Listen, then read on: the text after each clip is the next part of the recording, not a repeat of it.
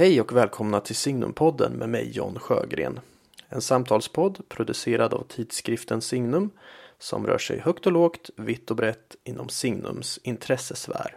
Det vill säga kultur, teologi, kyrka och samhälle. Det här avsnittet handlar om en av de senaste årens mest uppmärksammade och omdiskuterade rösterna i offentligheten. Psykologiprofessorn Jordan Peterson Peterson som slog igenom stort som ett YouTube-fenomen och med sin bok 12 Rules for Life för ett antal år sedan. Som under en tids allvarlig sjukdom varit borta från offentligheten men som nu är tillbaka med en ny bok. Beyond Order 12 More Rules for Life. Hur kan man utifrån en kristen utgångspunkt förhålla sig till och reflektera kring Petersons ganska stränga dygdeetik? Med mig för att samtala kring detta har jag Josefin de Gregorio. Författare, litteraturvetare och redaktör för kulturnyheter och debatt på Svenska Dagbladets kultursida. Det blir ett samtal om nåd och gärningar, om svaghet och styrka, om manligt och kvinnligt, om vår politiserade samtid och om tacksamheten som livshållning. Hoppas ni ska finna samtalet intressant.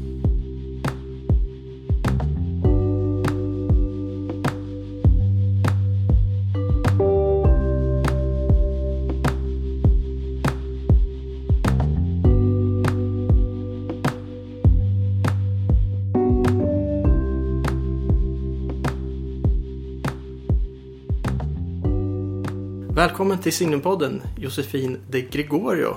Så mycket. Ska man säga nu. Så heter jag nu. Ja, du var ju med här i höstas. Mm. Vi gjorde ett avsnitt om Bibeln och litteraturen. Mm. Då hette du Holmström. Det gjorde jag. Nu har jag gift mig. Ja. Jag tänkte bara reda ut det för alla lyssnare här som kanske blir förvirrade. Jag tänkte hon låter väldigt lik den där Holmström som var med i höstas. Precis. Det är samma person. Vi sitter på samma plats här också. Det känns mm. Eh, favoriter i pris lite grann. Men man kan ju säga att det här avsnittet kommer haka i lite det som vi gjorde. Mm. För att vi var ju faktiskt inne lite grann på Jordan Peterson då. Mm. Han dök upp. Och hans bibeltolkningar. Mm. Och eh, nu är han ju tillbaka här med en ny bok som du eh, recenserade i Svenska Dagbladet Precis. när den kom. Ja. Var det i mars? Eh, det var i mars, ja i början av mars tror jag. Mm. Mm. Bortom ordning. Precis, jag har läst den, precis läst den nu den här veckan på engelska Beyond Order. Mm. Eh, 12 more rules for life. Då. Ytterligare, den förra var ju, eh, vad, vad var titeln på den? den det var väl... En, 12 rules for life, uh, an antidote to chaos. En antidote to chaos var det, mm. så var det. Och nu när han själv haft kaos så ska han motverka det. Precis, men, men han går väl in i kaoset ja, lite mer, mm. bejakar kaoset Precis. lite då. Man måste både bejaka både mm. ordning och kaos, är väl mm. lite poängen då. Men det jag tänkte att vi ska prata lite om hur ska man förhålla sig till Peterson lite så, ur ett kristet perspektiv mm. och, och mm. hur läser man honom med, med kristna glasögon och sådär. Eh, och jag tänker, han behöver väl ingen närmare introduktion. Jag tror de flesta lyssnarna har, känner till fenomenet. Eh, så jag tänker vi kan hoppa ganska rakt in i, i, i hur vi läser honom. Mm. Eh, men om man ska re rekapitulera lite grann då kanske. Alltså vad tänker du är han blev ju oerhört populärt då mm. där runt 2017, 2016, mm. 2017 när den här första boken kom då och blev ju ett jätte liksom Youtube-fenomen och, och enormt många anhängare, främst män, unga mm. män. Unga män, ja. Vad tror du det var som slog an? Liksom? Vad, vad, vad berodde den här populariteten på?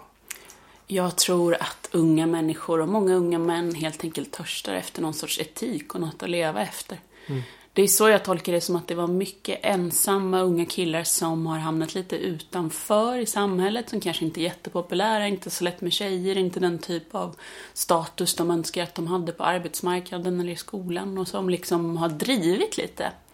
Och så kommer det då en äldre man som med auktoritet säger att du kan ordna upp ditt liv. Det finns högre principer att leva efter. Mm. Det tror jag har lockat jättemånga. Visst. Mm. Ja, det tror jag också. Det är ju...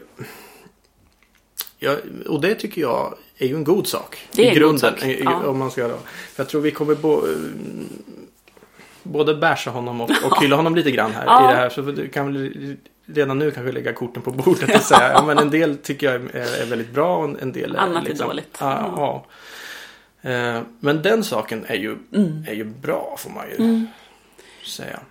Jag tänkte när han kom först att det var som att han la ett slags grund som jag hoppades att, vis, att kyrkan på något sätt skulle kunna fånga upp. För att han, var, han visade en stor grupp människor var att, att leva efter sin lust och vilja är inte hela tiden det bästa.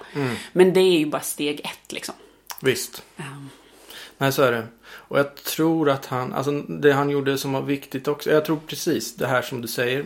Att han lyfter fram dygder också. Mm. Alltså att det finns, eh, de här, det är ganska klassisk dygdetik han Ja, håller på med egentligen. Väldigt klassisk dygdetik. Eh, och den här första boken, när jag, kom, när jag läste den första gången så tänkte jag det här är ju bara självklarheter. Ja. Och det var så mycket kontrovers kring honom. Jag tänkte jag, vad, vad är folk arga på? Han säger så här. Det var ju väl inte plattityder men det var väl, det var ju, liksom- jag tyckte det var ganska bra saker men, Ja. men ganska så, ja visst. Om man inte lever så här då har man ju stora problem. ja, det, då blir man nog ganska olycklig och rotlös. Ja. Så att, så att det tror jag ju var viktigt, den liksom dygdetiken som man förde in på arenan igen. Så att. Mm. Och sen också kopplat till det, det här narrativa tänkandet som man har. Att, Mm. Att det finns en berättelse, Mm. livet är en berättelse, livet har en struktur, en ordning, det är inte meningslöst utan Nej. Det finns någon slags ordning som man kan upptäcka. Ja. Inte bara som man uppfinner utan som man, Exakt. man kan gå ut och, och faktiskt finna mening. Ja. Och det tror jag var en sån här sak som många unga Mm. män då kanske framför allt. Men jag, det tänker jag borde vara lika för, för unga kvinnor också. Mm. Eller, alltså att, Ja men det är det livets, ja, livets mening. Var, vilka är vi? Var kommer vi ifrån? Har jag en uppgift? Och det där. Mm. Alltså, han använder ju de här arketyperna och hjältemyterna som handlar Visst. om just det här. Vad har jag för... Kan jag uppfylla någonting i mitt liv? Liksom? precis. Och det är ju en attraktiv eh, ett attraktivt budskap. Ja. Särskilt då i, tänker jag, i en tid där mång, vår generation och kanske några generationer innan har jag snarare upplevt är en självklarhet att livet är meningslöst. Ja. Att man har den grundhållningen. Ja, att det finns egentligen ingen objektiv mening. Nej. Utan jag får uppfinna min egen mening exakt. med livet. Och det där blir ju alltså någon slags förenklad eh, existentialism Mm. kan man ju säga. Absolut.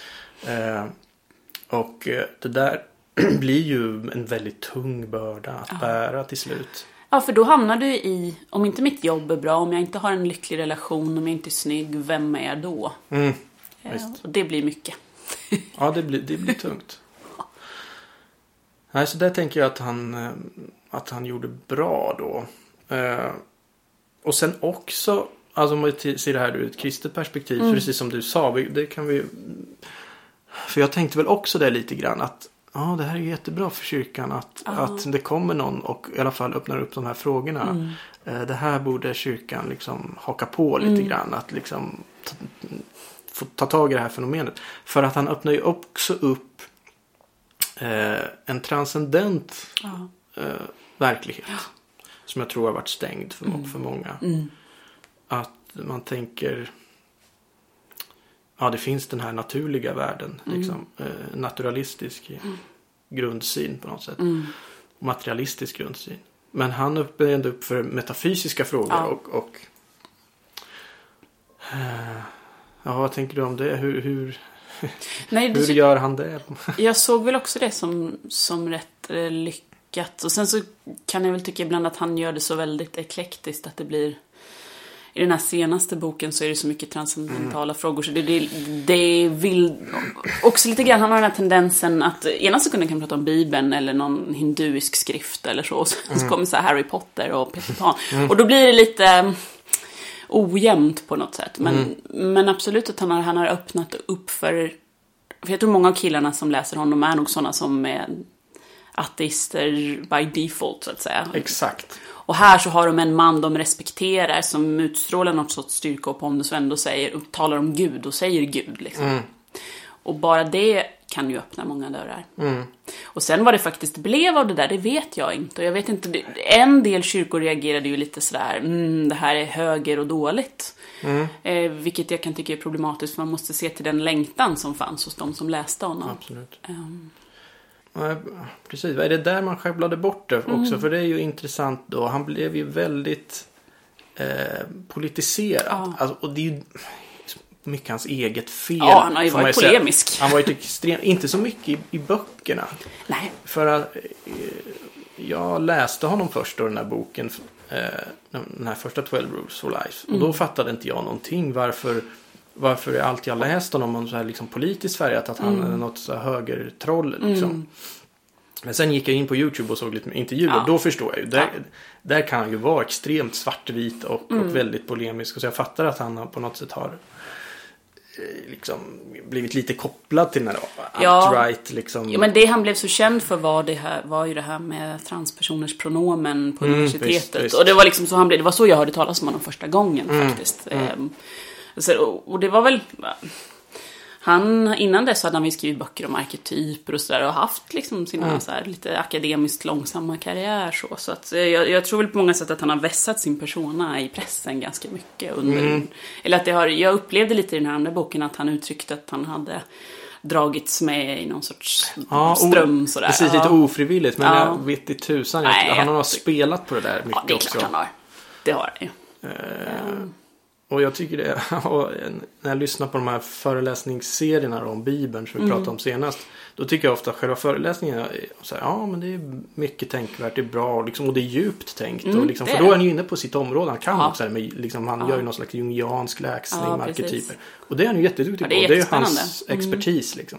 Och sen, men sen kommer de här eh, publikfrågorna efteråt och då kommer de här liksom, gender issues och allt det där. Mm. Och då, då är han plötsligt så oerhört onyanserad. Ja, nej men det, han är ju bäst när han är akademiker för det är Ja. det han är i grunden. Jo, så är det. Verkligen. Men jag tänkte då, den, ja men det är delvis hans eget fel då att han blivit så politiskt läst. Men jag tänkte också, det kan vara intressant, vi är ju båda i, när du jobbar på Svenska Dagbladet Mm. nu som, som redaktör. Eh, och vi är båda skribenter där och är inne i kulturdebatten Mm. då och då. Eh, för jag tänkte också då att han blev så politiserat läst. Att det, och, det har delvis med hans eget, det är delvis hans eget fel. Men delvis också en oförmåga i liksom, offentligheten att prata om metafysiska frågor. För att han, hans bok var ju liksom metafysik och, Ja. och, och psykologi och arke, liksom, allt det där. Inte politiska alls. Och så, eh, så- men varenda text var liksom Ja, ställning för eller emot. Ja, och, och egentligen bara ett ställningskrig höger vänster. Alltså det var ju liksom kulturkriget egentligen bara. Och det jättetråkigt och också symptomatiskt tycker jag för hur många böcker eller personer blir mottagna nu för tiden. Ja, men varför är det så? Alltså har, har, har Kanske offentligheten... dummare. Ja, dummare och... Men det finns en oförmåga att prata om metafysiska frågor. Ja, men det gör det ju. Det, det tycker jag märks att det, det är en sorts fattigdom där. En, ibland hör man folk tala om religiös analfabetism i Sverige och det ligger väl något i det där. Det har blivit mindre och mindre, att man har inte språket för det. Och när religion kommer upp i tidningen så är det alltid i hårt politiserade. Antingen är det så att Svenska kyrkan har gjort något med flyktingar som folk är arga på eller så är det någonting med islam som folk är arga på. Det finns inget så neutralt, bara prata om vad är religion och hur upplever människor som är religiösa den själv. Mm. Det är alltid vinklat liksom. Mm. Um, Ja, så är det. så att religion blir politik per automatik nästan. Mm. I debatten i alla fall. Um, och det är på ett sätt som är ganska långt ifrån hur vi som utövare upplever det. Ja, jo men verkligen. Nej, för jag upplevde ju när jag läste hans första bok då att det här finns ju massa intressant vi kan prata om på kultursidan som vi inte brukar prata om. Ja. Alltså som ja, men grundläggande, vad är meningen med livet? Finns Ja. det någon ordning? Vad, hur ska man leva sitt liv liksom och, och på bästa sätt? Men så blev allt bara liksom politiskt tjafs ändå. Ja, det tycker jag också är jättetråkigt. Och jag hade hoppats att den här boken skulle väcka lite, som jag skrev i min recension, att det skulle bli lite religiösa debatter kring det, eller att det skulle bli något. Men jag har inte sett någonting sånt överhuvudtaget. Nej. Eh, Det, det har, bara, det har varit mest varit fokus på hans svåra år och han, hans liksom tidig koma i Ryssland och sådär. Just det. Och lite skadeglädje kring det Väldigt nästan då. mycket. Mm. Att han klarar inte av och... Vad, vad tänker du kring det? Det här att... Ja, Jag, det, det, mm. mm, det är väl där jag ser det Kristusformade hålet på något sätt. Alltså det här med, med att svagheten som Det, för det, det slog mig mycket att han skriver om kaos och öppna för kaos. Men egentligen så är det liksom inte styrka kaos, utan det är svaghet som behöver skrivas om det här. Att Vi förutsätter oss att leva efter saker, efter regler, men vi kan inte hålla lagen om oss själva. Nej. Alltså det är ju just det, det är ju den här centrala kristna insikten att lagen är fullkomlig men vi är inte det.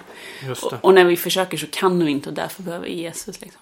Ja. Och jag tycker väl att han närmar sig Jesus mer i den här boken. Men, men att det ändå är så här... Det är som att en liten insikt någonstans saknas om hur de här grejerna Mm. hänger ihop med dygd, etiken och nåden. Ja, det är bra. Det, det är det vi måste prata mest om tänker jag. För att det är ju det, är ju det som saknas. Han har ju, det finns ju ingen nåd i hans... Nej, det är lag. Det är lag. Allt är lag. Och det är ju där det stora problemet kommer in. Ja. Att visst, den, de här dygderna han, han predikar. Bra. Visst. Jättebra. Kör på med det. Men nåden måste, i det du lever av. Nåden måste alltid komma först. Ja, det är det. Är det. Mm. Och det tror jag samhället har mycket svårare för. Det är lättare, alltså lagiskheten ligger ju i människans natur, är Bibeln tydlig med. Och det ser man i mottagandet av hans... De som gillar honom gillar också den här tanken på att man kan liksom rycka upp sig och att om jag bara bestämmer mig för att bädda min säng och vara mera, projicera mer självsäkerhet så kommer jag bli lyckligare liksom. Och jag säger, mm, nej. Nej, det, det, det kommer inte funka. Eh, Det, om du inte lever först av nåden. Nej. Nej, det det blir lite bakvänt för att han har ett sorts sekulärt evangelium på något sätt. Men det är precis det, det börjar inte i kärleken och nåden och så försöker du. Det börjar inte i att du har upplevt nåden så därför vill du följa lagen. Utan det börjar i, du ska följa lagen för att någonting bra ska hända. Och det, är svårt. Precis, och det, det finns ju, det grundar sig ju också i hans grundläggande metafysik som han har. Att han utgår ju, och det, det är det här jag tänker att det blir så olika vart man tar sin utgångspunkt. För att han tar sin utgångspunkt i att livet är i grunden lidande. Ja. Det är det mest basala för honom. Det är liksom den basala sanningen. Att li, Så buddhistiskt liksom. Precis, livet är lidande. Livet är en kamp. Eh, innehåller livet oundvikligen lidande och kamp? Ja, självklart. Eh, men är det det mest grundläggande? För en kristen är det ju inte det. Ja. Nej, absolut. Utan för oss är det ju snarare att det mest grundläggande är att livet är en gåva. Mm, Eh, alltså en nådegåva, någonting helt oförtjänt. Eh, och att det är ett mysterium. Mm, precis. Och, och liksom någon... Kamp blir ju inte det... det nej, det är inte den- rätt Nej. ord liksom. Det är inte det ursprungliga, liksom, det är inte den grundläggande hållningen som en kristen har. Utan snarare förundran och tacksamhet. Ja, och inte den här ständiga kampen mellan ordning, kaos, ont och gott. För här är ju segern är ju redan vunnen. Visst, vi lever i en fallen värld, men vi är på väg mot återupprättelse. Här är det ju så att individen måste hela tiden slåss mot kaoset. Liksom. Ensam på något sätt. Precis, ja, men det är exakt som du säger. För oss är segern redan vunnen på något sätt. Mm. Eh, Men jag tror det, det är helt, alltså det där är verkligen det som blir svårt för mig i hans böcker. är just det här otroligt pessimistiska grundsynen. mm, Ja, För det, det går inte att komma med, om, om livet är lidande i grunden, ja då är det... då, då är det ju bara på något sätt så här, du kan kämpa emot och vara heroisk men du kommer ju aldrig finna någon djupare tillfredsställelse för att nej. premisserna finns inte där. Nej, precis. Och det är ju det som är hans... Det är därför han har den här hjälte... Ja, hjältemyten är så viktig för honom. För att det är verkligen så han ser på tillvaron. Hjälten som, som måste kämpa mot det här Ja. eh, kaoset. Liksom. Och det där är mycket, jag känner igen det där lite grann från när jag läste engelsk litteratur och läste den här alltså vikingatidslitteraturen i, eh, på fornengelska, Beowulf och de här, där det är lite grann att livet är skit men här kommer ändå en stark man och försöker döda monstret och vi vet att han kommer dö i ett krig imorgon men det är hjältemodigt och man bara försöker hålla kaoset borta en dag till. Ja, just det. Och det att, att, här, dö på ett hjältemodigt sätt är hela poängen. Just det. ja. Och det, precis. Och det grundar sig ju i sig på en, eh, en han är ju mycket mytforskare och sådär. Och, och det grundar sig ju i den, liksom, de ursprungliga skapelsemyterna. Hur de ser ut i, i, i nästan alla kulturer. Är det ju att det är en att ursprunget är kaos. Ja. Och så kommer det någon slags gu, gudomlig kraft och liksom ordnar kaoset. Ja. Gör, gör, skapar kosmos ur kaos. precis. Men ser vi på den bibliska skapelsemyten så är den inte så. Och det är därför det blir så annorlunda Mm. grundtänk just för att i Bibeln har vi ju snarare en gud som skapar. Det finns visserligen det här ha, ha, den Ja, ursprungliga havet är- där som finns då. Det är lite sådär, ja. Ja, Mm. eh, det kan man tolka som en ursprunglig kaoskraft. Men eh, majoriteten av den kristna trilogin och så har ju, har ju tolkat snarare skapelseberättelsen som att Gud skapar världen ur intet, ex Ja. nihilo. Ja, precis. Alltså, det finns inget ursprungligt kaos. Nej. Utan Gud skapar allting bara som ren kärleksgåva. Ja, det, är bara, precis. det är bara, det är gott. Och det är för att han vill också. Det är inte så här som med många av de här skapelsemyterna där det börjar i ett mord där man tar kroppsdelar som blir, som blir jorden och så. Utan här är det bara så här liksom Gud behöver ju inte ha sällskap av människor men han skapar Nej. dem ändå för att han vill ha relation. Liksom. Precis. Ja. Gud, nej, precis. Ingenting skapas av nödvändighet. Nej. Utan skapelsen är helt onödvändig. Den, är bara rent, den finns bara för att Gud vill det.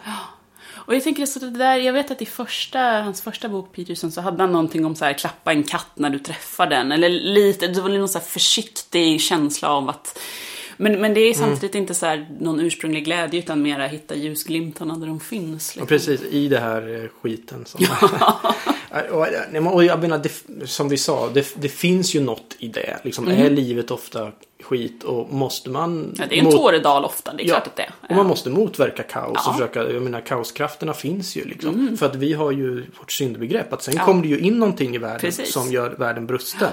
Som, som är en kaoskraft. Men det är inte ursprunget. Det är ett Mm. Nej. fall. Från det ursprungligt goda. Det, det ursprungliga är bara att Gud skapar och ser att det är gott. Mm, precis. Eh, och det blir en annan livshållning, grundhållning Mm. på något sätt. Det gör inte att man säger allt det här som Jordan Peterson säger är fel. För Nej, han har ju många poänger. han har ju många poänger för att det finns det vi kallar synd då. Mm. Och det måste man faktiskt odla sina dygder och jobba på för att liksom inte Absolut. hemfalla åt det. Absolut. Men grunden är ändå den här nåden att bara Ja. finnas till. Liksom. Men jag, jag tänker på Jordan Peterson ibland så känns det lite som de här... Eh, I Dantes gudomliga komedi så finns det ett, ett hus eh, där de så här nobla hedningarna bor där. Så, så här Mm. filosoferna som kom nära men de levde innan Kristus och de, de har inte riktigt trätt in i hela. Men han är så här...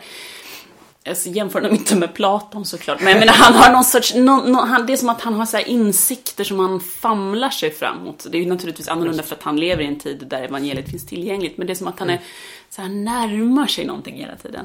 Och det kan jag bli lite så Verkligen. frustrerande för man är så här, när ska du bara sätta ihop pusselbitar? Precis, han är ju nära och det... Ja, vi kan komma in på det nu kanske på, på nya boken här då. För att jag anade ju någonting när han kom tillbaks. Eh, Så här, att nu kanske han är mogen här. För att den första YouTube-videon han la upp eh, efter han hade varit borta, var väl närmare två år han var borta helt Ja. från offentligheten. Och eh, han verkar ha gått igenom ett helvete verkligen. Så att eh, verkligen. han har ju verkligen lidit all eh, empati med honom, verkligen. Mm. Eh, men då, då gjorde han en två minuters bara någonting på YouTube. Att liksom nu är jag tillbaks. Eh, och man såg att han var påtagligt liksom Mm. nedsatt. Och, och det var jobbigt för honom nästan bara prata. Eh, men då sa han ju på slutet att jag är tillbaks by God's mercy. By Ja. God's grace and mercy I'm back. Och då tänkte jag mm, det nu kanske det har landat liksom. För det var ju precis det vi har saknat. Ja. Det fanns ingen mercy i, i din förra bok. Eh, men vad säger du nu? Du, du har ju läst boken. Jag har eh, inte läst vartenda kapitel i den nya. Men de, jag har läst nio utav tolv regler tror jag. Mm, Eh, ehm, jag skulle väl säga har, att han... har det hänt någonting? Alltså jag skulle säga att sättet han talar om Jesus på är annorlunda. Han skriver konsekvent Kristus liksom. Och han, han har några vissa partier som man tänker så oj, vad, läser jag en kristen bok nu? Men så är det samtidigt som att han inte riktigt är där än. Och jag börjar nästan undra om det är så för att han inte riktigt kan överge sin affärsmodell med dygdeetik. Liksom. Alltså det, det, Ja. det, det är det här de... Hans fans förväntar sig ju inte att han helt plötsligt ska börja predika. Nej, det skulle ju vara ett stort steg om man plötsligt... Ja. visst. Eh, och så jag vet inte om det är något som ändå pågår i honom eller hur det är. Men jag tyckte nog att den här boken var visserligen ett steg längre men det är fortfarande lag och inte nåd. Mm. Nej, jag håller med dig. Eh, nej, men han är ändå på väg. Ja, någonstans är han ju på väg. Det har vi här, kristna sagt sen de dök upp, typ så här, snart, snart, ja, snart. Ja, visst. Jo, men det var direkt så här, i katolska medier och så här också. Att det kom rykten så här. Ja, han är på väg att bli katolik och så här. Ja, mm, oh, ja det vore ju fint. Han är välkommen. Uh, nej, precis. Det är något, såg du den här videon också från hans podcast? Ja, just det. Den har jag blivit rätt omtalad. Ja. Mm. Då han eh, pratar om Kristus. Eh, han, då, han, han blir ofta känslosam när han Ja. pratar och han blir väldigt känslosam. Han börjar liksom gråta när han pratar om det här. Mm. Att, för då pratar han med någon ortodox kristen som också är en YouTube-fenomen. Eh, och de nära vänner tydligen. Så de pratar om, om kristen teologi i stort sett. Eh, och då säger han ju så här, till min förvåning så tror jag ju på Kristus. Alltså jag tror ju att det är sant. Men då är ju hans perspektiv det här, för att han har ju det här narrativa tänket, det här mytologiska Ja. tänket. Att det finns den narrativa världen och sen finns det den naturliga världen. Eh, och de är liksom separerade. Eh, men sen som man säger, men ibland kan ju de röra vid varandra. Där har vi det. Mm. Mm, och det är då han bryter ihop där. Ja. Det, det är ju det som är Kristus. Det är det som- det, är det som är. Kristus. Att, att liksom myten, för att han säger det finns ju så många myter om, om en döende gud som Ja, återuppstår. Det är ju ett ja, vanligt Det är mönster vanligt. så att säga. Vad, vad skiljer det? Och det har ju varit mycket liksom mytforskare och, och så, som Mm. liksom säger ja men det är inget speciellt med Jesus. Det är bara Samma samma, samma, gamla myt så att säga. Eh, men som man säger då, men det är ju det, kristendomen har ju ändå det här säger ju att det har ju hänt på riktigt. Ja, det har hänt på riktigt. Vi har det- ögonvittnen Precis, och... och det har mötts liksom. Myten och, och det naturliga har mötts. Mm. Eh, Ja, att det, hände, det här hände det här året specifikt på den här platsen. Liksom. Precis. Ehm, och det är det som då kan öppna honom för, Ja. för tron då. Ja, jag hoppas det. Jag hoppas, det skulle ju vara väldigt spännande eh, om så skedde liksom. Eh, men den här boken var... Alltså det är ju lite som du säger här, det är mycket självklarheter. i den. Ja, jag, ty- ja.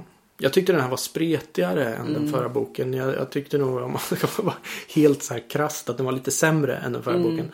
På det sättet att den, ja men precis som du var inne på, det spretar väldigt mycket i, i referenserna. Men sen också har han det här lite som man på något stä- ställe anklagar sina studenter för. Att, att de kan säga en sak i en mening och sen på näst, i nästa Mm. Ja. mening säger de en annan.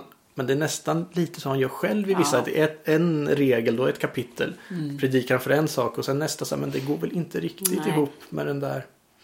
Och det är väl just det där med hans trovärdighet nu. Jag vet inte hur, hur vägen tillbaka kommer se ut för honom eftersom han själv liksom inte klarade av att leva efter sina egna regler.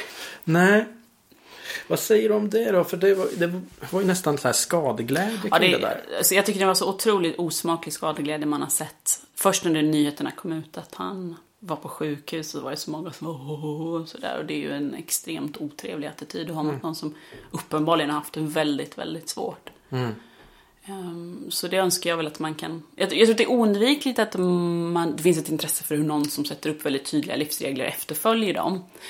Men som kristen så har jag ju liksom inga problem med svaghet. Nej, nej. jag tyckte bara otroligt synd om honom. Ja.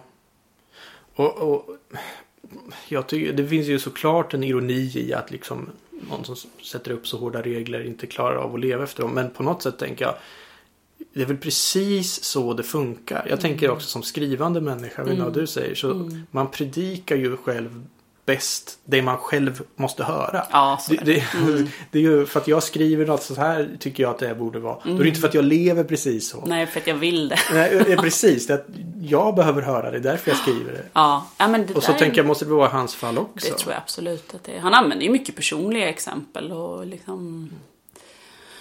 Ja. Nej, men det ligger något i det. Den här, om vi tänker nu att han är på väg, på väg lite mot någon, kanske lite mer mot en kristen tro och så Mm. Så kommer han ju ändå ha med sig det, här, det etiska och så. Mm. För jag tycker jag har sett också en, en trend inom kristen eh, litteratur och kristen teologi och så på senare år. Det har blivit väldigt mycket eh, i alla fall en del böcker som jag har läst på senare år har varit väldigt så här, dygdeetiska också. Ja, Eh, Vad tycker du om den trenden? Jag ser ett problem i det. Alltså. Ja, det är när jag, vet att jag recenserar för dagen James K. Smith. Typ den här om att söka det goda och de här... ehm, Tänkte också på den. Ja, Eh, jo men det är ju, det är ju en så här, jag tror det är kristendomen som allt annat, det är såna pendlingar liksom. Det har varit... I frikyrkan så var det mycket, länge bara så här, det är alltid bara nåd och sen kommer folk och säger ja men vi måste ju försöka leva ordentligt också. Och, och så, så svänger det och så finns det ju, jag tror också att det kan hänga ihop med det här, så här ökade intresset för liturgi och för tradition. Och då kommer de här då upptäcker man återupptäcker kyrkofäderna och gamla kristna texter som handlar mycket om dygd och sådär. Och, så blir det... och sen tror jag att det har mycket att göra med att man upplever att samhället förändras. Att det är den här Sigmund Baumanska allt flyter, det är liquid det. modernity och så får man en sån här Jordan Petersonsk impuls att motarbeta kaoset. Mm, just det. Eh, Så jag jag tror att det är mycket som samspelar i det. Men vart det tar vägen, det, det, det vet man ju inte riktigt. Nej. Nej, så det, Va, det- Vad ser du för problem? Nej, jag ser ju, jag håller med om analysen. Jag tror att eh, det beror på, precis på det du säger. Att det finns någon slags... eh, Det ligger i någonting som jag tror är gott i en eh, återupptäckt av eh, liturgi och så och i praktiker. Eh, nu är jag i den katolska sfären och där har ju det alltid funnits. Men jag kommer ju från den frikyrkliga sfären så jag känner ju igen den, att den trenden finns där också. Det här att eh, även i frikyrkan så, så börjar mm, i alla fall vissa delar av den längta mer efter fasta praktiker Ja och så. vi, ja, vi är ju rätt många frikyrkliga nu som till exempel som jag och min man använder tidebönerna varje. Ja, det är ju inte Eh, något ovanligt längre. Det, är inget, det skulle man ju verkligen tycka var, det var konstigt för 15 år Ja, då sedan. hade det varit så oj vad är det här för något? Ja. Men nu är det så här, ja nej men det är... Nej, men det är ju ganska Mm. normalt och, och, och så.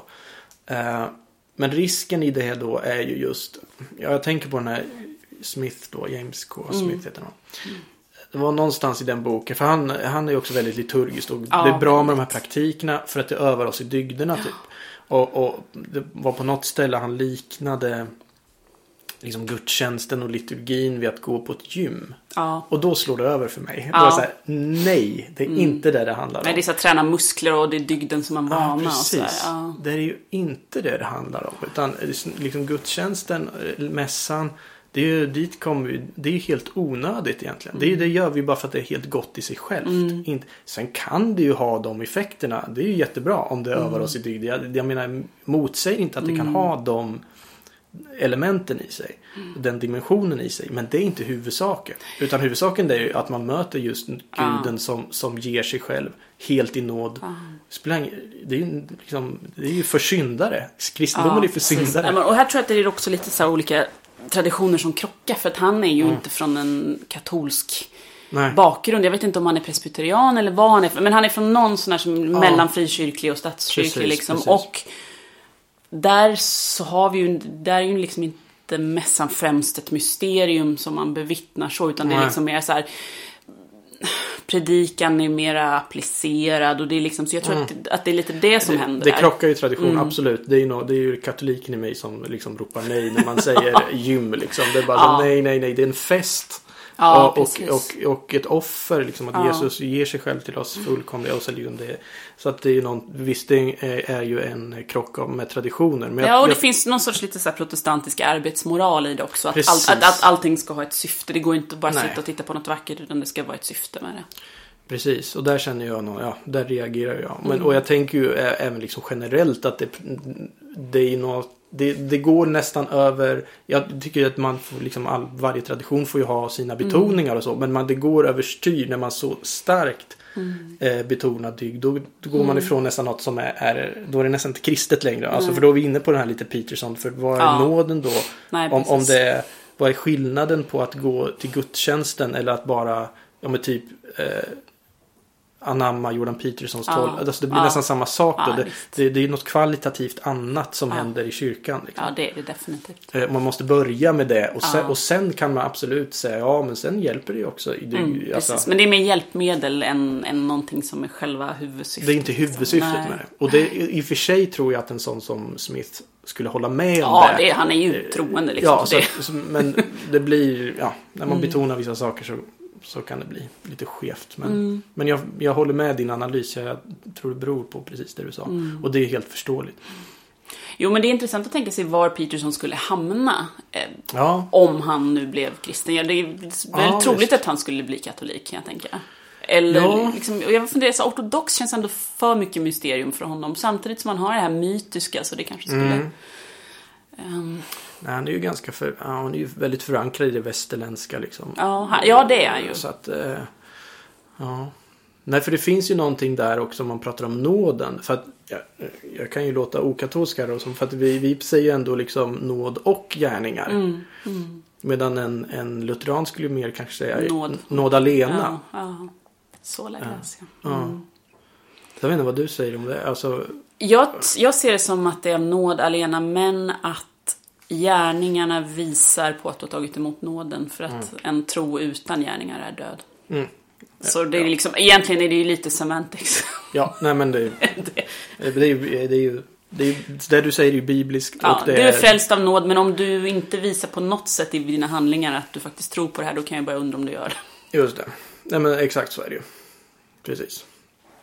Men det som eh, eh, nåden kommer alltid först. Jag Ja. skulle säga liksom inte, inte nåd alena men nåden alltid först. Det, det är Ja, ju, Gud måste bjuda in liksom. Det, exakt. mm. Det är så är det ju om vi då vi pratar Bibeln när vi såg så här senast. Mm. Varenda berättelse i Bibeln är ju på Guds initiativ. Ja. Varje gudsmöte är på Guds Ja. Mm. initiativ. Och det är ju det som är en sån liksom, skillnad också på den kristna berättelsen och, och många andra and- Mm. andliga religiösa traditioner. Att det är inte vi som sök, måste söka upp Gud utan Gud söker oss. precis. liksom, det är ju den bibliska historien. Precis. Och där är inte riktigt Peter. Nej, det är han inte. Utan det är väldigt mycket anstränga sig. Ja, det är det. Det är det. Och det var någon, jag har sett honom någon gång säga så här. Vem vågar ens säga att han tror på Gud? För att alltså det, det, jag, han har det här liksom om man säger att Gud finns. Då säger man ju att, att det verkligen den här absoluta sanningen finns och så. Ja. Alltså då kan man ju, det blir så tungt för honom. För, Ja. att då blir för att då är det som att då måste jag leva Ja. på ett helt perfekt sätt. Ja, just det. Jo, men kristendomen är nog svår för honom för att han har det här otroligt... Mm. Ja. Det, den sortens tänkande. Då blir det ju, hur ska jag klara av det här liksom? Just det. Det finns ju en paradoxen här tänker jag är att den kristna tänker att min styrka finns i svagheten. Ja. Skulle Peterson skulle han kunna skriva sig fram till det? Alltså, nu, ja. Får se vad nästa bok blir. ja. Det, det, det, nu har han haft ordning, han har haft kaos. Vad kommer sen? Mm. Just det. Ja, det ska bli jättespännande att se. Han ska ju göra någon eh, sån här, han, hans förra bibelserie var ju hela första Mosebok, hela Genesis. Ja, Nu ska han göra Exodus har han sagt då. Ah. Ska göra, Ja. får man se vart det leder. Se vart det händer. Ja, för där börjar man ändå närma sig det här med frihet ur slaveriet och det finns en, så tydliga kopplingar framåt till Nya Testamentet. Mm. Mm. Mm. Men tänkte, vi måste prata li, lite mer om männen också. Ja, För det är ju så att han mest tilltalar män. Mm. Det, det unga män. mm. Eh, Vi var inne på det lite här i början. Men jag tänker också på, kanske kan fördjupa det lite grann. Jag tänker också på din artikel här om kanske männen. Som Mm. Ja, det. var det i höstas den kom. det var i höstas. var väl en av förra årets mest uppmärksammade kulturartiklar. Ja, det blev det. Ja men den var väldigt bra. Så att jag eh, myntade ju ett nytt begrepp där också. Mm. Som nyord. Kan, kanske mannen. Men tror du inte att det är många? Att det är liksom kanske männen som han har Jo. tilltalat? jo, det tror jag. Jag tror att det är män som är lite fångade på något sätt. De har inte hittat en naturlig plats i samhället. De, eh... Och då driver de lite och lockas lite av allt möjligt. Och har svårt att hitta något definierat. Och han erbjuder ju någonting definierat. Något att luta sig mot. Och inte det här behovet av att skapa ett eget varumärke från grunden. Och liksom... Just det. Ehm, Så jag, jag tror att det är många du sa kanske män som lider av att vara kanske män som gillar Jordan Peterson på något sätt. För han är ju så, han är intressant, han är ju liksom inte... Han kan prata om det kvinnliga och kaoset och sådär men samtidigt är han väldigt tydlig med att hans fru är så viktig för honom och hans bästa vän. Så han har det där... Det finns ju många som tycker att han är antifeministisk. Jag ser inte det personligen direkt men han... han eh, utgår ifrån könsroller liksom. Och det är, det är väl också det som, som lockar män att han talar om manligt och kvinnligt och mer definierade roller. Eh, återigen struktur.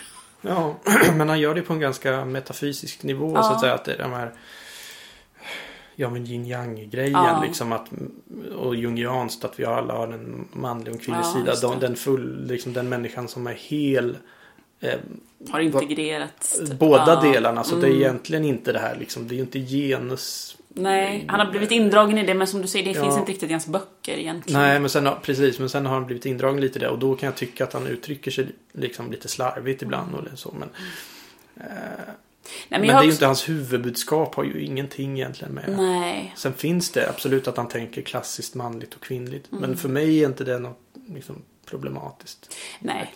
Nej, men jag, det, jag känner inga tjejer som verkligen gillar Jordan Peterson. Alltså det, det är någonting i... Och det för mig visar ju på att, att det finns en brist och ett behov av författare, tänkare som, som vänder sig till män eftersom det, blev, det visade sig vara ett sånt extremt sug. Folk kommer i drivor till hans föreläsningar och då verkligen känner sig sedda. Och då är det ju en grupp människor som då inte har blivit sedda och det säger ju något i sig. Verkligen. Men antyder det inte också lite att vi lever i en faderlös kultur? Jo. Alltså, Han är ju så här urpappan, städa ditt rum, bädda Ja. din säng liksom. Men som säger åt på skarpen. Ja. Ja, men jag tror det, för det är många som inte gillar den här extremt tillåtande kulturen där allt är relativt, det finns inget riktigt rätt och fel och på något sätt ska du själv Mm. navigera genom det här och hur du tar hand om dina förhållanden och Mm. din moral och så kommer någon och säger men så här är det. Jag, jag tror att alla behöver en pappa liksom, Mm. både så här konkret men på ett metafysiskt plan och Mm. Gud fadern liksom. Ja, visst. Ehm, Så absolut, vi lever i en många sätt fanelös kultur. Jag tänkte på det när jag åkte hit nu och igår och, och idag så har jag lyssnat på den här podcasten som Sigge Eklund gjorde om Mm. bröderna Flink. Alltså Torsten Flink och Ah. hans tvillingbror. Mm. Som har haft superstökigt förhållande då. Och nu, försöker han liksom återförena dem efter 20 år. De har inte pratat med varandra på 20 Mm. år. Och det, det är ju såklart eh, missbruk som är det stora, Mm, liksom, mm. det stora traumat där. Mm, Eh, att hur, hur samsas man med en till tvillingbroder, båda har svårt missbruk. Men, sen, men, men jag tyckte det var så intressant också att det adresserades aldrig. Jag tyckte det var jätte, jättefin Mm. podcastserie verkligen. Men det adresserades aldrig det här att de hade, hade ju ingen pappa. De, de, eh, de, äh, sökte upp sin egen pappa. De hade då en pappa från Marocko, tror jag det var. Som var då resultatet av ett kort möte med, med deras mor. Men de växte Mm. upp med sin mamma. Men jag tyckte det var så uppenbart liksom när man hör dem prata. Eh, så, så rörande på många sätt. Men jag tänkte hela tiden att det är ju liksom så tydligt. F- Två faderlösa små pojkar är det ju. Exakt. Där har vi roten. Ja. Till Nej, allt jag, liksom. Absolut. Jag tror att den som inte har en far blir just förblir en pojke. Det är så Peter Pan-syndrom Ja. på något sätt. Det blir svårt att växa upp och hitta. För hur hittar man sin egen mansroll då? Ja, precis. Och, ja, och båda var ju väldigt så här, då går man in i den här Ja, supermacho-grejen. hypermaskulint och Hypermaskulint våld och, ja, precis och det, eh, ja. Nej, så där tror jag Jordan Peterson har fyllt ett någon slags Mm. faders och... Mm. Hål i kulturen att, Mm. eh, ja. Mm. Ja, det det finns jag. inga liksom pappagestalter riktigt. Nej. Vi behöver fler goda pappagestalter i kulturen. Men då frågar man sig, har man goda modersgestalter? För man behöver ju både och. Mm. Eh, Ja. Ja, det och vart finns väl... den goda modern liksom i kulturen? Ja, och det där kan jag väl undra ibland över lite grann. För att det har svängt så mycket. Man, kvinnor pratar mycket om dåliga män liksom. Och hur, det, hur funkar det för män som, som växer upp idag och, och ser sig själva speglade på så negativa sätt i Mm. kulturen? Eh, Och det är också något att fundera över. Liksom. Hur skulle en kvinnlig Jordan Peterson se ut? Oj. Vad skulle, det, vad skulle det vara för typ av bok liksom? Vad skulle Ja. det vara för 12 rules? Eller är det rules överhuvudtaget? Eller vad är det? Jag tror inte att det är rules då, men det är väl någonting om liksom... Att det där var en bra fråga. Jag vet faktiskt inte ens om jag kan svara på den. Nej, inte jag heller. Jag, Nej, jag, jag har svårt att se hur det skulle, hur det skulle se ut. Um, Det är så svårt, jag kan tänka mig en kvinna som skriver för andra kvinnor, men för män, det är ju liksom, eller liksom den här typen av bok, det är jättesvårt att tänka sig. Mm. Jag tänker vi, vi runda av lite mm. grann. Jag tänker det, det, var ett, som sagt, den här nya boken då. Jag tyckte den var helt okej. Okay. Mm. Ganska spretig. Men ett kapitel, jag vet att du lyfter fram det här i din recension också. Att det starkaste kapitlet var det sista. Mm. Och där tycker jag han är inne och snuddar vid mm. någonting. För där var det nästan ingenting jag hade att invända så att säga. Så Nej, där kände precis. jag, mm, det här var nästan förkunnelse. Ja. För det handlar då om, var tacksam trots eh, ditt lidande. Ja, precis. Och där, det tyckte jag var väldigt fint. Mm, det var fint. Där, där, och det var väl det närmaste han kom att prata om svaghet och det på ett produktivt ja. sätt. Liksom. Att det finns en sårbarhet och det är okej. Okay, liksom. Mm. och det, och ja, det, det, var varm, det varmaste kapitlet. Liksom.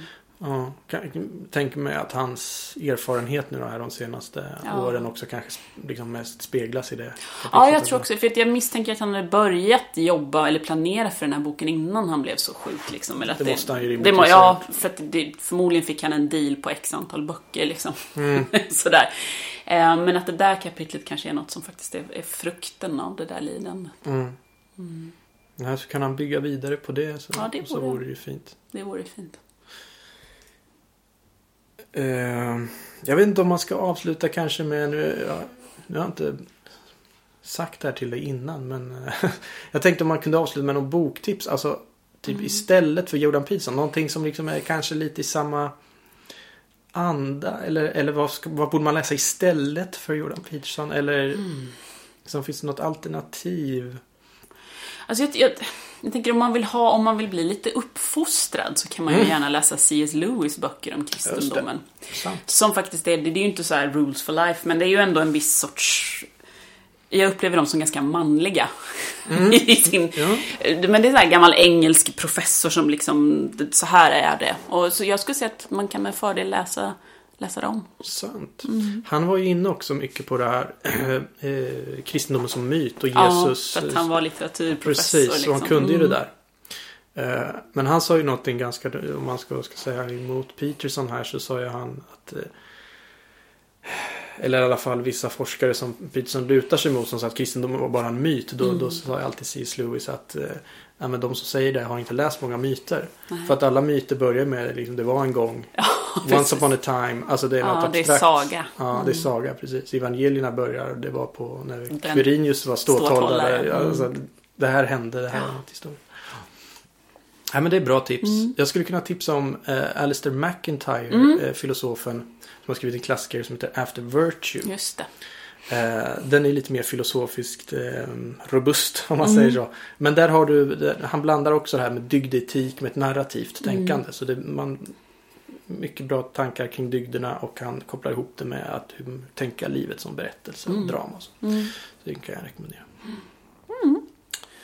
Ja, men vi sätter punkt där då kanske? Det gör vi. Ja, stort tack för det här samtalet. Tack så Josefin mycket. de Gregorio. Tack John. Och eh, tack alla ni som har lyssnat och lyssna gärna på oss igen i nästa avsnitt. Hej så länge!